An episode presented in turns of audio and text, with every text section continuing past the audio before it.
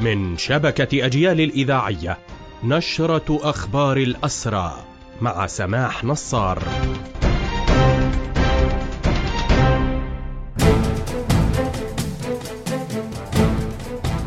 أهلا ومرحبا بكم إلى هذا اللقاء. نشرت هيئة الأسرى تفاصيل الوضع الصحي المقلق للأسير المريض قاسم معروف مسلم البالغ 52 عاما من تلفيت في نابلس بعد زيارة المحامية شيرين العراقي له في سجن شطة.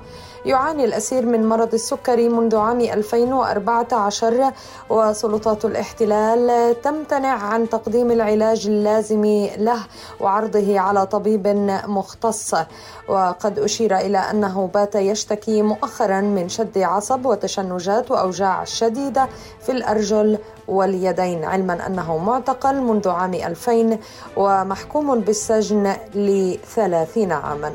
ونواصل في أخبار النشرة أيضا. أوضاع مقلقة للأسيرين المضربين عن الطعام. ماهر الأخرس وكايد الفسفوس.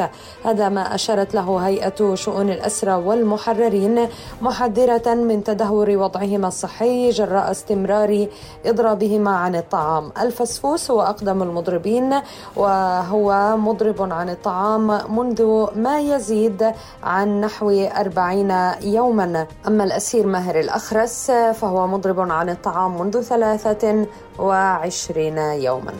ونواصل في أخبار النشرة أيضا.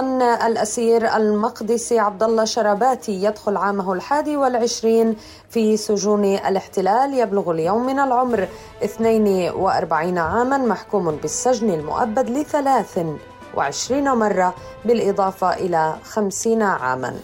إدارة سجون الاحتلال تواصل جريمة الإهمال الطبي بحق الأسير محمد الخطيب ومحاكم الاحتلال ساهمت في ترسيخ الجريمة وهذا ما أفاد به نادي الأسير موضحا أن الخطيب يبلغ أربعين عاما وقد تفاقم وضعه الصحي جراء تعرضه للموت البطيء بسبب الإهمال الطبي.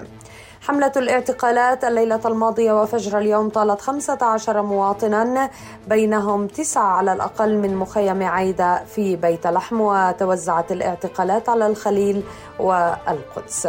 بهذا مستمعينا تنتهي هذه النشرة الخاصة بأخبار الحركة الأسيرة قدمناها لحضراتكم من راديو أجيال. تحية الحرية لأسر الحرية وتحياتي سمح نصار.